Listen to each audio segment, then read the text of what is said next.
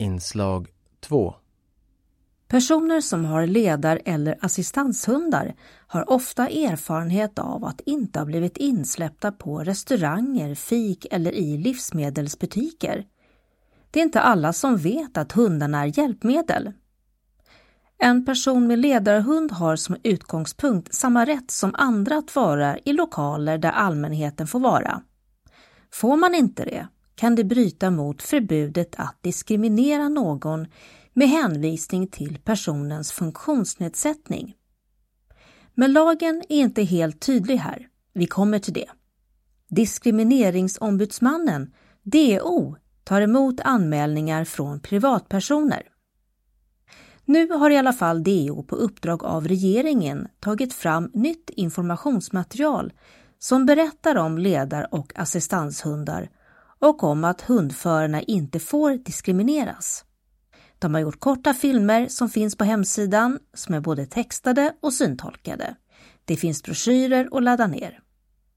Vi ringer upp Åsa Engman, ordförande i föreningen Sveriges ledarhundsförare, som tycker att det har stor betydelse att den här informationen finns. Ja, men det betyder ju att det blir tydligare och lättare att kunna hänvisa till den informationen, använda den informationen, förmedla den informationen. Så det är ju ett steg i rätt riktning, tycker vi. Har ni arbetat för att det ska komma till stånd länge? Absolut. Egentligen kan man väl säga att Sveriges ledarhundsförare har ju jobbat många, många, många år för att göra det här tydligare. Senaste året kan man väl kanske säga så har vi upplevt att Diskrimineringsombudsmannen har jobbat mer aktivt med den här frågan även innan de fick det här informationsuppdraget från regeringen så fanns det ett mer aktivt intresse att arbeta med de här frågorna hos Diskrimineringsombudsmannen, vilket vi tycker är väldigt bra. Har du själv eh, nyligen blivit eh, eller upplevt dig diskriminerad när du har varit ute med din ledarhund? Ett tag sedan, men alltså det är ju inte jättelänge sedan, men den situation jag tänker på, då var det verkligen eh, sådär att det blev mycket tjafsigt och en otrevlig stämning av att vi inte skulle få komma in. Men vi var ett stort gäng så att till slut så gav han väl med sig den här krogägaren för det var en restaurang men det var verkligen sådär på nåder och vi fick sitta någonstans där liksom, han tyckte att egentligen skulle vi inte få sitta där men vi fick väl sitta där. Och... Vad sa du då? Då sa jag att det här är en tjänstehund, det är ingen vanlig hund och hon har rätt att följa med mig.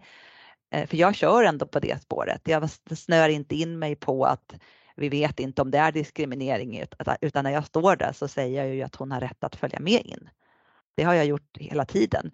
Eh, men det är ju också lättare nu när vi har Diskrimineringsombudsmannens information i ryggen. Eh, och han sa ju att det fanns, kunde fick komma allergiker sen. Och det var ju inte meningen att hundar skulle vara i hans restaurang. Vad kan man säga då när eh, i det här fallet en krogägare säger ja men det finns allergiker här till exempel? Ja, det värsta är ju hela tiden när någon tredje part för liksom, talan för någon annan tredje part. Då är det ju mycket lättare om, om den här personen själv skulle komma och säga att de hade en allergi och så kunde man prata om hur man kunde lösa det. Men så är det ju sällan utan i de här sammanhangen är det ju någon som för någon annans eventuella talan så att säga. Och sen är det ju ofta som säger att det kan komma någon allergiker. Då brukar jag faktiskt säga, men jag är ju här nu. Så kan man säga då att ja, men det är först till kvar, när jag var här först så kommer det någon eh, allergiker så har den då inte företräde. Är det något argument man kan köra på? Egentligen tycker inte jag att man ska hålla på och ställa grupper mot varandra, men jag tänker att det blir ju väldigt konstigt att lyfta fram som argument, vilket många gör, att det kan komma någon som är allergisk sen. För jag menar, sen är ju sen, nu är ju nu. Nu är jag här och vill äta här och behöver komma in här ihop med min hund. Eh, så. Och det finns ju överenskommelser och diskussion mellan eh, Astma Allergiförbund och ledare och assistanshundsförares olika företrädare och de tycker också att vi är så få som har ledare och assistanshund så det är inget liksom, bekymmer. De beskriver i sådana fall att det är ett större bekymmer eh, att, så att säga, husdjur, så att säga, sällskapsdjur får följa med i högre utsträckning på restauranger och, och så vidare och kaféer i större städer nu för tiden. För det är ungefär 250 eh, ledarhundar som är aktiva i Sverige och eh, ungefär lika många assistanshundar. Så 500 hundar i hela Sverige är det det vi pratar om? Exakt, och då är det inte, tycker inte heller de som företräder Astma och allergiförbundet att det är det som är problemet. Och då behöver ju inte krogägare eller andra göra det till ett problem heller utan det är ett argument bara som lyfts fram. Och Livsmedelsverket säger ju också att vi ska få komma in med våra hundar. Vi ska, behöver ju inte sitta i, i köket, alltså vi kan ju sitta någonstans så att det inte, ja, alltså att det funkar och det gör det ska ju kunna göra det. Har ni någon sån här svartlista? Vi har inte det i våran. Däremot försökte vi ju på ledarhundens dag senast försökte vi liksom fråga våra medlemmar om de istället kunde lyfta fram ställen där de kände att allting funkar himla bra. Eh, att det är ställen som är positiva, att de, där de blir bemötta på ett sätt som vi anser att vi ska bli bemötta. Eh, så försökte vi lyfta fram de positiva exemplen istället. Att det kan vara svårt att slå fast om en ledarhundsförare har blivit diskriminerad, det är för att det än så länge inte har prövats i domstol. Här är lagen inte entydig. Det finns undantag som det kan behövas ta hänsyn till. Till exempel om en restaurangägare hävdar att en hund skulle vara en risk för att livsmedel skulle kunna bli besmittade. Även om DO inte har drivit ett fall i domstol så har de något som kallas för tillsynsbeslut. Om man kommer in med en anmälan om diskriminering så tittar DO på fallet och sen kan de välja om de gör en utredning.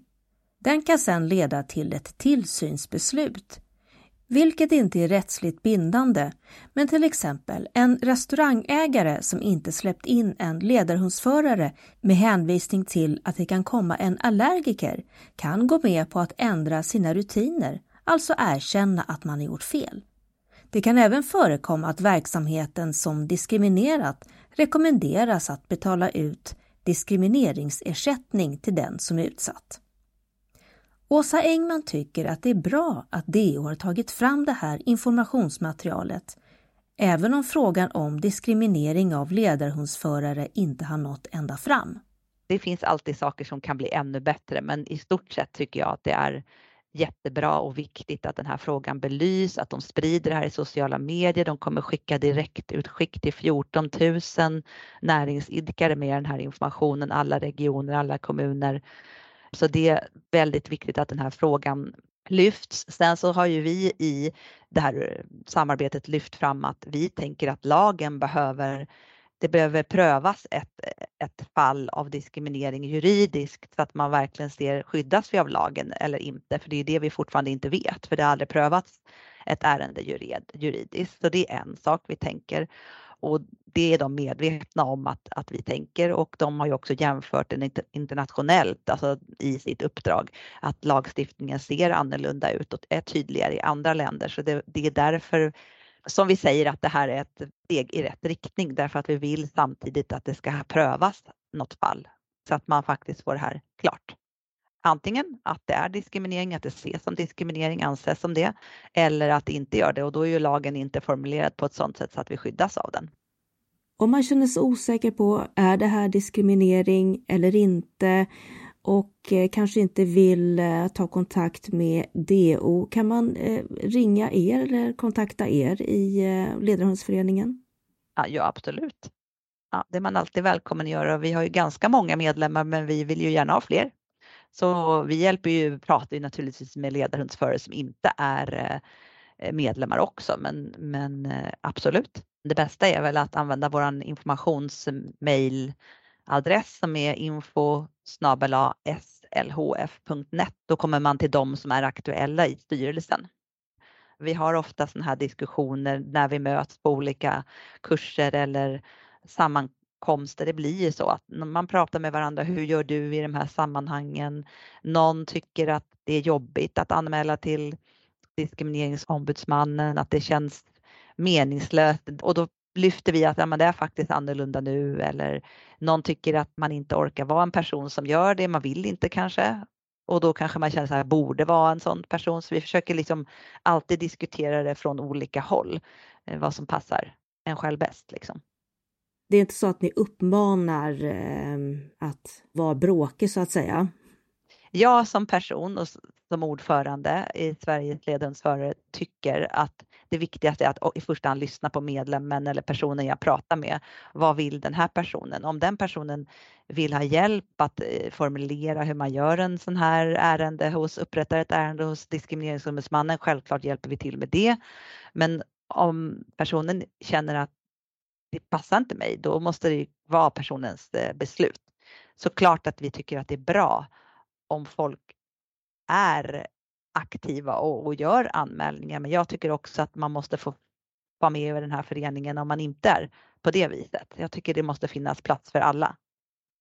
Åsa Engman, ordförande Sveriges ledarhundsförare. Vill man läsa det här informationsmaterialet som tagits fram av DO så finns det på deras hemsida på första sidan under rubriken Ledar och assistanshundar. Vad gäller?